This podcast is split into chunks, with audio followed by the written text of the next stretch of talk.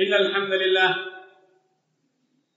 نحمده ونستعينه ونستغفره ونعوذ بالله من شرور أنفسنا وسيئات أعمالنا. من يهده الله فلا مضل له ومن يضلل فلا هادي له. أشهد أن لا إله إلا الله وحده لا شريك له وأشهد أن محمدا عبده ورسوله وخليله وصفيه من خلقه أما بعد عباد الله أوصيكم ونفسي بتقوى الله فقد فاز المتقون عباد الله Allah Azza wa Jal telah menciptakan dunia beserta isinya. Allah Azza wa Jal telah menyiapkan untuk Anda pasangan-pasangan Anda, istri-istri Anda. dan selanjutnya Allah Subhanahu wa taala mengaruniakan dari mereka anak keturunan, anak cucu dan penerus generasi kita. Allah menegaskan hal ini dengan mengatakan Allah ja'ala lakum min anfusikum azwaja wa ja'ala lakum min azwajikum banina wa hafadah wa razaqakum min at-tayyibat afa bil batil yu'minuna wa bi ni'matillahi hum yakfurun Allah Azza wa Jalla telah menjadikan telah menciptakan dari diri kalian istri-istri kalian pasangan-pasangan kalian. Dan selanjutnya dengan pernikahan yang telah kalian jalin Allah Subhanahu wa taala melahirkan menciptakan ke dunia ini bani wa habadah memberikan kepada kalian bani anak keturunan wa dan cucu-cucu kalian sebagai penerus warazaqakum dan Allah Subhanahu wa taala tidak berbuat zalim kepada kita Allah Subhanahu wa taala tidak menyanyiakan umat manusia. Allah memberi anak keturunan. Allah Azza wa Jalla memberikan cucu generasi penerus. Dan ternyata Allah Subhanahu wa taala telah janji telah menyiapkan untuk mereka semuanya. Warazaqakum. Allah telah menyiapkan untuk kalian rizki-rizki kalian.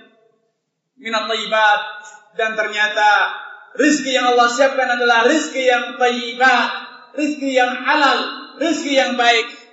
Afabil batil yu'minuna bi ni'matillahi yakfurun. Afabil batili. Namun mengapa umat manusia banyak yang lebih memilih percaya, lebih percaya, lebih beriman, lebih yakin dengan yang batil, dengan sesuatu yang fana, dengan sesuatu yang akan sirna. Bisikan-bisikan iblis, rayuan-rayuan pengikut iblis yang terus kita dengar, yang terus kita baca, yang terus kita saksikan begitu mudah tertanam di dalam jiwa kita. Namun Allah Azza wa Jal yang telah menciptakan kita, yang telah membuktikan janjinya, memberikan nikmat kepada kita semuanya, begitu mudah kita lalaikan, begitu mudah kita larang, kita langgar larangan-larangannya. Namun akan kalau kita mendengar janji-janji obrolan-obrolan murah dari para pengikut iblis, kalian kalau tidak bekerja, siapa yang akan menafkahi keturunan kalian? Kalian kalau tidak menabung, siapa yang akan menjamin masa depan anak cucu kalian? Kalian kalau tidak ikut asuransi, kalau celaka, kalau menginjak masa tua, siapa yang akan menjadi cucu-cucu kalian? Doktrin-doktrin semacam ini begitu mudah masuk dalam telinga kita dan tertanam dalam jiwa kita. Terlebih, kekhawatiran, ketakutan terus merasuk dalam jiwa kita sehingga seakan kita tidak ingat bahwa kita terlahir adalah karena Allah. Karena Allah lah yang menciptakan kita dan kita mendapatkan pekerjaan adalah karena Allah Subhanahu wa taala memberi kita kita memiliki waktu, tenaga, kepandaian, keahlian dan Allah Subhanahu wa taala juga memberikan rezeki semuanya hanya karena murni karena Allah Subhanahu wa taala. Namun kenapa kita lupa? Kenapa kita gentar? Kenapa kita takut sehingga Allah berikan peringatan pada dengan mengatakan wa bi ni'matillahi hum yakfurun namun kenapa kalian semuanya dengan nikmat Allah yakfurun lupa lalai tidak ingat bahwa semua itu adalah datang dari Allah. Bukan dari asuransi bukan dari tabungan bukan dari kehebatan Anda bukan dari kecerdasan Anda atau kekuatan Anda subhanallah. Namun demikianlah manusia tatkala kita memikirkan masa depan memikirkan hari esok putra putri kita maka seperti kata Rasulullah SAW, al-auladu mabkhalatun majbanah. Kalau kita memikirkan anak kita, memikirkan hari esok generasi penerus kita, memikirkan masa tua kita dan bagaimana nasib anak keturunan kita, maka yang terjadi kita akan dihinggapi oleh penyakit mabkhalah, bahi, kikir pelit, majbanah, dan kita akan terus hanyut dalam ketakutan, kekhawatiran menghadapi masa depan. Bagaimana anak saya, anak keturunan saya, sekarang saya sukses. Bagaimana cucu saya, bagaimana anak saya nanti kalau sudah menikah. Apa pekerjaan mereka, dari mana mereka mendapatkan mata pencahayaan subhanallah. Ini telah Allah peringatkan afabil batil yu'minun wa bi hum. Apakah manusia itu lebih percaya dengan yang batil, dengan sesuatu yang semu, sesuatu yang tidak kekal abadi. Namun dengan datangnya rezeki dari Allah kita lemah percaya, lemah iman. Begitu khawatir kita sehingga hari esok dalam kamus kehidupan kita adalah teka-teki. Hari esok kita adalah momok dalam kehidupan kita. Ibadah Allah. Azza wa Jal dalam ayat lain memberikan satu isyarat penting untuk kita renungkan bersama agar kita hidup dunia ini hidup dalam alam yang nyata tidak hanya dalam ketakutan dan kekhawatiran yang tidak beralasan ataupun tidak real dan tidak nyata. Allah mengatakan zuyyina linnas. Hubbus syahawat minan nisa'i wal banin wal qanatiril muqantarati minadh dhahab wal fiddah wal khailil musawwamati wal an'am wal harth Dzalika mata'ul hayatid dunya wallahu indahu husnul ma'ab. Sejatinya di antara poin yang menjadikan kita gentar, menjadikan kita khawatir, takut akan masa depan putra putri kita, anak turun kita adalah fakta yang Allah ungkapkan dalam ayat ini. Allah mengatakan zina linnas telah diperhiaskan, telah dinampakkan begitu indah kepada manusia. Hubbus syahwat, kepuasan menuruti syahwat irahi, menuruti selera ambisi. Minan nisa itu cinta kita, selera kita, syahwat kita terhadap wanita, wal bani dan juga anak keturunan, wal qanatir muqantarah dan juga harta kekayaan berupa zahab, emas, perak, al khailil musawwamah, hewan ternak, kuda dan tunggangan, wal an'am serta hewan ternak yang kita miliki yang kita piara. Namun Allah memberikan peringatan menjelaskan duduk masalah. Allah tegaskan dzalika mata'ul hayatid dunya. Ketahuilah semua itu istrimu, anak keturunanmu, harta kekayaanmu yang selama ini membuai impianmu dan menjadikanmu takut, gentar terhadap masa depan, khawatir terhadap masa depan mereka semua semua itu adalah mataul hayati dunia. Itu hanya perhiasan kehidupan dunia semata. Itu tidak kekal. Itu akan segera sirna bersama sirnanya dunia beserta isinya. Namun ingat, Allah Subhanahu wa taala memiliki jannah, memiliki kehidupan yang kekal di akhirat. Wallahu indahu husnul ma'ab. Ingatlah, satinya Allah Subhanahu wa taala memiliki tempat kembali yang begitu indah yaitu jannah. Ibadah Allah. Bila kita renungkan ayat ini, kita akan dapatkan jawaban mengapa manusia kikir dan mengapa manusia pelit. Kenapa manusia terus dihantui oleh kekhawatiran terhadap masa depan? Karena ternyata itu adalah karena jiwa kita telah dikuasai oleh cinta dunia, cinta harta. Kita telah terbuai oleh angan-angan bahwa anak kita akan membahagiakan kita. Anak kita adalah menjadi pembela kita. Mereka adalah penerus cita-cita kita subhanallah. Satunya itu adalah madaul hayati dunia. Itu hanya sekedar perhiasan semata. Karena tidak sepantasnya kaum mukminin Orang yang beriman akan surga dan neraka, beriman kepada hari akhir, terperdaya oleh istri, terperdaya oleh anak keturunan, oleh harta kekayaan. Karena Allah mengingatkan hal ini dengan firman-Nya, "Innama amwalukum wa auladukum fitnah, wallahu indahu ajrun azim." Sejatinya harta kekayaan kalian dan juga anak keturunan kalian adalah ujian kalian diuji dengannya. Kalian sedang dicoba oleh Allah Subhanahu wa taala dengan harta dan anak turun yang diberikan kepada kalian. Namun ingat, wallahu indahu ajrun azim. Allah memiliki pahala yang lebih besar. Sehingga bila engkau siap mengorbankan anak keturunan, harta kekayaan di jalan Allah Azza wa Jal dan membelanjakan semuanya di jalan Allah, Allah telah janjikan kepada kalian semuanya wallahu indahu ajrun azim. Allah telah siapkan pahala yang begitu besar yaitu jannah. Yang kata Rasulullah SAW, la ainun ra'at wa la udhunun sami'at wa khatar ala qalbi bashar. Surga adalah suatu kenikmatan yang tidak pernah disaksikan oleh mata siapa pun dan juga tidak pernah didengar oleh telinga siapa pun dan juga tidak pernah dibayangkan oleh siapa pun. Begitu indah dan begitu nikmat.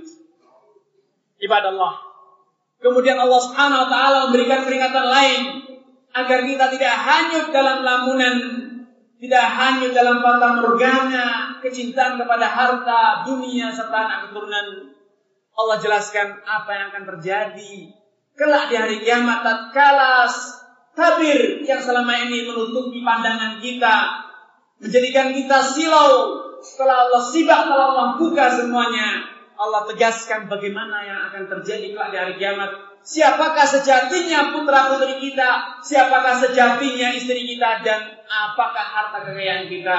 Allah nyatakan, Yauma yafirul mar'u min wa ummihi wa abi wa sahibatihi wa bani likulli imri'in minhum yawma idzin sya'nu yughni wujuhu yawma musfira dhahikatun mustabshirah wujuh yawmaidin 'alaiha ghabarah tarhaquha qadara ulaika humul kafaratul fajarah. Ingatlah, tatkala kelak di hari kiamat yauma yafirrul mar'u min akhi, masing-masing kita akan berlari tunggang langgang menjauh dari saudaranya wa ummihi wa abi. Dan kita juga akan takut bila berada di sisi orang tua kita, ayah kita, ibu kita, kita akan lari wasahibatihi wa bani dan kita pun akan menjauh melarikan diri dari istri dan anak keturunan kita. Kenapa? Syahwi karena kita sedang disibukkan dengan tanggung jawab kita masing-masing di hari kiamat. Kemudian Allah Subhanahu wa taala menjelaskan bahwa pertanggungjawaban itu tidak mudah dan tidak ringan. Wujuhu yawmaidin musfirah dhahikatun mustabsyirah Kelak di hari kiamat hanya ada dua orang. Orang-orang yang wajahnya terang benderang. Musfirah, girang dan senang. Dhahikatul mustabsyirah tertawa karena bahagia. Namun ada golongan kedua.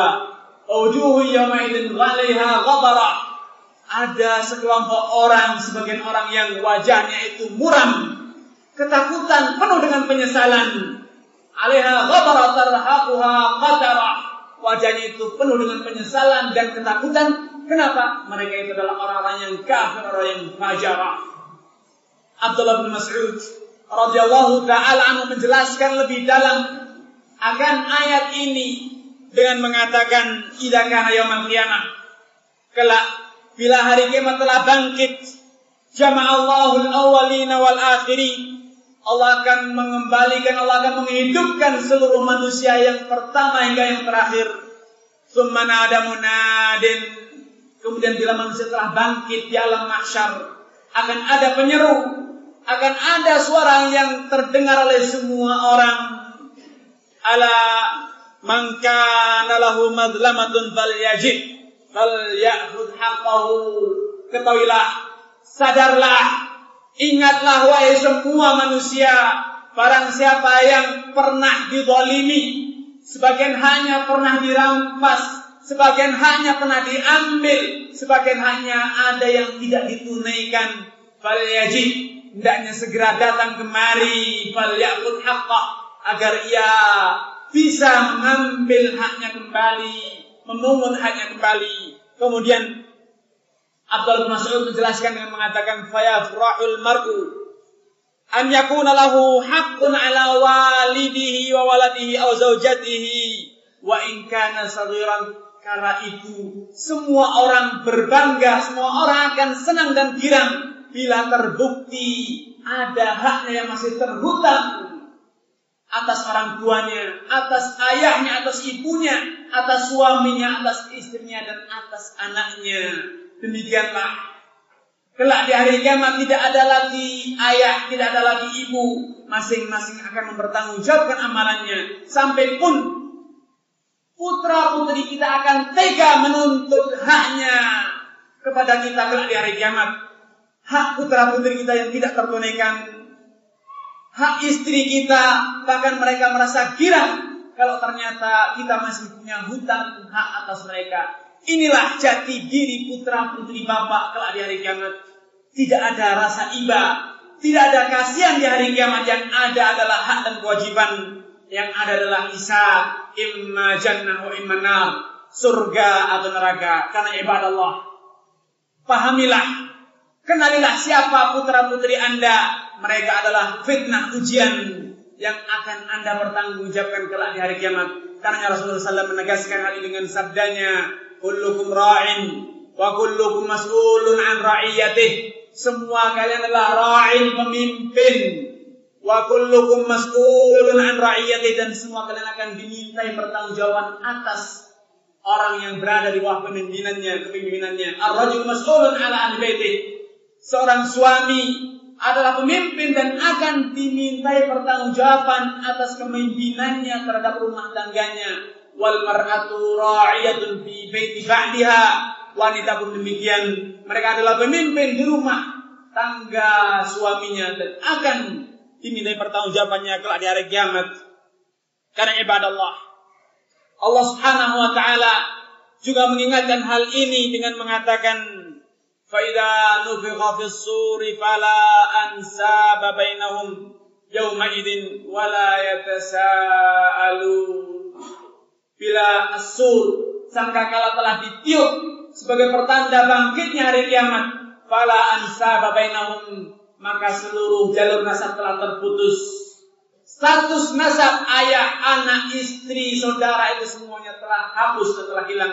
Yang ada adalah nafsi, nafsi, karena tatkala manusia semuanya telah bangkit di alam mahsyar dan mereka tersiksa dengan teriknya matahari yang hanya satu mil di atas kepala mereka, mereka semuanya gundah dan takut. Mereka datang kepada Adam, meminta agar Adam berdoa kepada Allah Azza wa Jal agar alam ini segera diusaikan, segera diselesaikan, hisab segera dimulai, ada mengatakan nafsi, nafsi, aku tidak berani meminta kepada Allah. Aku sibuk dengan urusanku sendiri, nafsi, nafsi.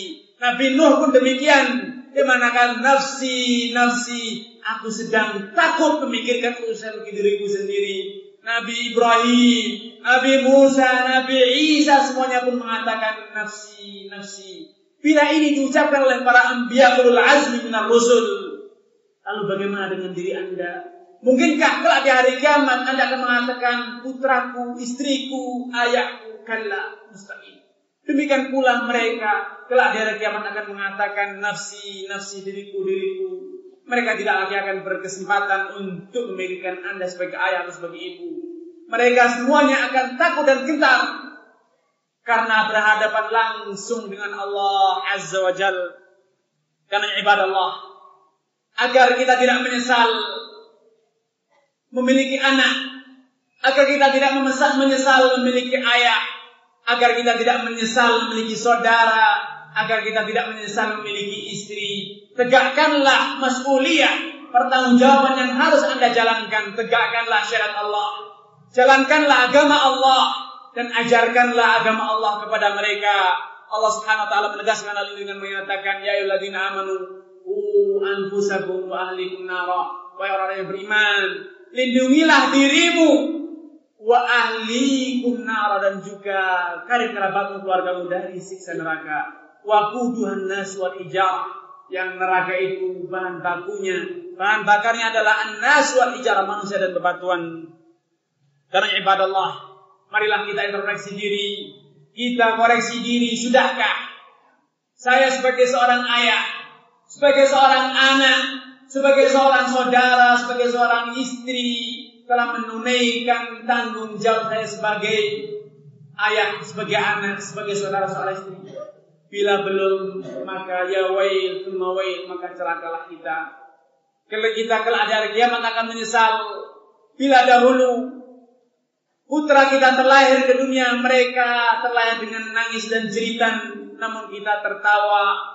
Maka jangan sampai kelak di hari kiamat kita yang berbalik putra kita yang tertawa karena bangga, karena senang dia selamat, merasakan mendapatkan haknya yang tidak tertunaikan, sehingga dia mendapatkan tebusan dari kita di hari kiamat, sedangkan kita harus terus meratapi tangis. Kita akan menangis, sedangkan putra kita tertawa selama dari sisa neraka karena tidak kita tidak menjalankan tugas sebagai ayah.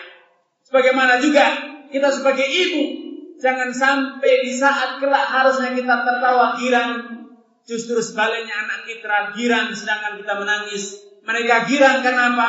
Mereka terbebas dari neraka. Sedangkan kita terjemur dalam neraka. Kenapa? Ketika mereka ditanya Allah Azza wa Jalla, kenapa engkau tidak sholat? Kenapa engkau tidak puasa? Mereka mengatakan ayahku tidak pernah mengajarimu. Kenapa engkau memakan riba? Karena ibuku yang menyuruh dan ibuku yang mendidikku. Kenapa engkau berzina? Karena aku tidak pernah diajari haramnya zina. Kenapa engkau berbuat ini dan berbuat itu? Mereka mengatakan karena ayahku dan ibuku lah yang mencontohkan ini semuanya. Na'udzubillah. Sehingga mereka bebas dari siksa sedangkan kita na'udzubillah bertambah serta berlipat ganda dosa dan siksanya karena ibadah Allah. Pada kesempatan yang berbahagia ini dari mimbar ini saya menyuruh diri kita dan Anda semuanya marilah kita koreksi diri, kita periksa diri, sudahkah Masuliah tanggung jawab kita sebagai ayah, sebagai ibu, sebagai saudara telah kita tunaikan sehingga masyarakat Islam, rumah tangga Islam benar-benar rumah tangga yang mencerminkan akan asas Islam, fondasi Islam akan prinsip Islam itu wa ta'awanu 'alal birri wat taqwa wa la ta'awanu 'alal ithmi wal. Bahu maulah kalian sekalian dalam menjalankan ketakwaan kepada Allah, menjalankan perintah dan meninggalkan larangan. Dan jangan sekali-kali kalian bahu membahu dalam menjalankan al-ithmu al-adwan perbuatan dosa dan permusuhan ibadah Allah. Aku ma tasma'un wastaghfirullah li wa lakum wa muslimina min kulli dhanbin innahu huwal ghafurur rahim.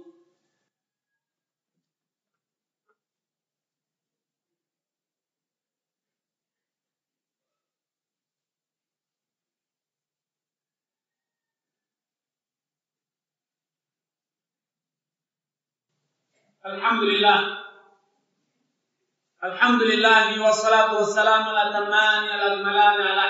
wa sayyidina nabiyina Muhammadin wa ala alihi wa ashabihi. Wa man sara ala nahji wa iktafa wa istana bi sunnati ila yaumil amma ba'd.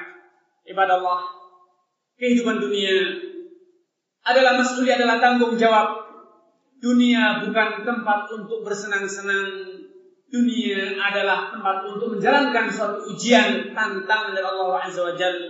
Karena ibadah Allah, jangan pernah berpikir bila Anda sebagai seorang ayah kemudian Anda akan dapat berleha-leha sebagai seorang ayah karena Anda bebas memerintah, bebas menyuruh, berbuat sesuka sendiri dalam rumah tangga Anda karena Anda adalah sebagai pemilik dan pemimpin, sebagai penguasa, bukan sebagai ayah adalah tanggung jawab. Demikian juga sebagai anak. Bukan berarti sebagai anak Anda tinggal berpangku tangan semuanya dilayani. Tidak. Namun Anda sebagai anak punya kewajiban tanggung jawab diuji Allah Azza wa Jal. Apakah Anda berbakti kepada orang tua? Apakah Anda sebagai anak memiliki semangat dan upaya yang nyata untuk menyelamatkan orang tua, rumah tangga, saudara dan kerabat dari siksa neraka? Karena prinsipnya prinsip masyarakat Islam baik dalam skup yang luas itu negara atau masyarakat internasional muslim ataupun dalam yang kecil itu rumah tangga prinsip yang tidak boleh kita lupakan adalah wa ta'awanu 'alal birri wat taqwa wa la ta'awanu 'alal itsmi wal 'udwan berbau membaulah kalian dalam ta'awun kerjasama dalam kebaikan dan jangan pernah bau mau dalam ke kebejatan, maksiat serta dosa. Karenanya sebagai contoh konkret bagaimana anggota masyarakat yang baik adalah anggota masyarakat yang patuh beragama dan terus menularkan kepatuhannya kepada orang di sekitarnya. Rasulullah SAW menyatakan, Ni'mar rajulu qama minal lail. Sebaik-baik suami adalah suami yang rajin qiyamul lail. Rajin mendekatkan dirinya kepada Allah. Aiqadha ahlahu fa'in abad nata fa'in abad nata hatu wajhal ma' Sebaik-baik lelaki, suami adalah orang yang rajin beribadah, rajin qiyamul lail dan juga dia menularkan kerajinannya ini, kepatuhannya ini kepada keluarganya, kepada istrinya. Bila istrinya dibangunkan dan tidak mau, maka ia cipratkan air ke wajahnya agar ia bangun. Dan sebaliknya pun demikian, sebaik-baik istri adalah istri yang patuh beragama sehingga ia rajin qiyamul lail di antara simbol dari kepatuhan beragama adalah qiyamul lail. Dan setelah ia mulai ia pun menularkan semangatnya, menularkan imannya kepada suaminya, ia bangunkan suaminya fa'in aba. Dan bila ternyata suaminya malas tetap juga malas. Nadhahat fi wajhil ma. Yang mencipratkan air agar suaminya bangun. Inilah gambaran masyarakat yang islami, gambaran masyarakat keluarga yang benar mencerminkan akan asas ta'awun alal birri wat taqwa Kenapa? Karena kesadaran bahwa status sebagai suami, status sebagai istri, status sebagai anak, status sebagai ayah itu adalah ujian dan cobaan. Karena ibadah Allah, marilah kita terus koreksi diri. Marilah terus kita sadari bahwa dunia ini adalah ujian. Sehingga tidak pantas kita lalai, tidak pantas kita terbuai oleh nikmat indahnya dunia bahagianya melihat anak yang tampan, anak yang pandai tidak, namun terus kita menjalankan tanggung jawab. Makanya Allah Subhanahu wa taala mengingatkan kita hal akan hal dengan firman-Nya, ya ayyuhalladzina amanu la tulhikum amwalukum wa la auladukum an dzikrillah wa man yaf'al dzalika fa ulaika humul khasirun. Wahai orang-orang yang beriman, la tulhikum jangan sekali-kali uh, amwalukum auladukum harta kalian serta anak keturunan kalian menjadikan kalian lalai dari mengingat Allah Azza wa Jal. Jangan sampai kecintaan kalian, kasih sayang kalian kepada harta dan anak keturunan menjadikan kamu lupa menjalankan tujuan dari adanya engkau di dunia ini. Manfaat atau tujuan dari diciptakannya manusia itu untuk beribadah, kepada Allah.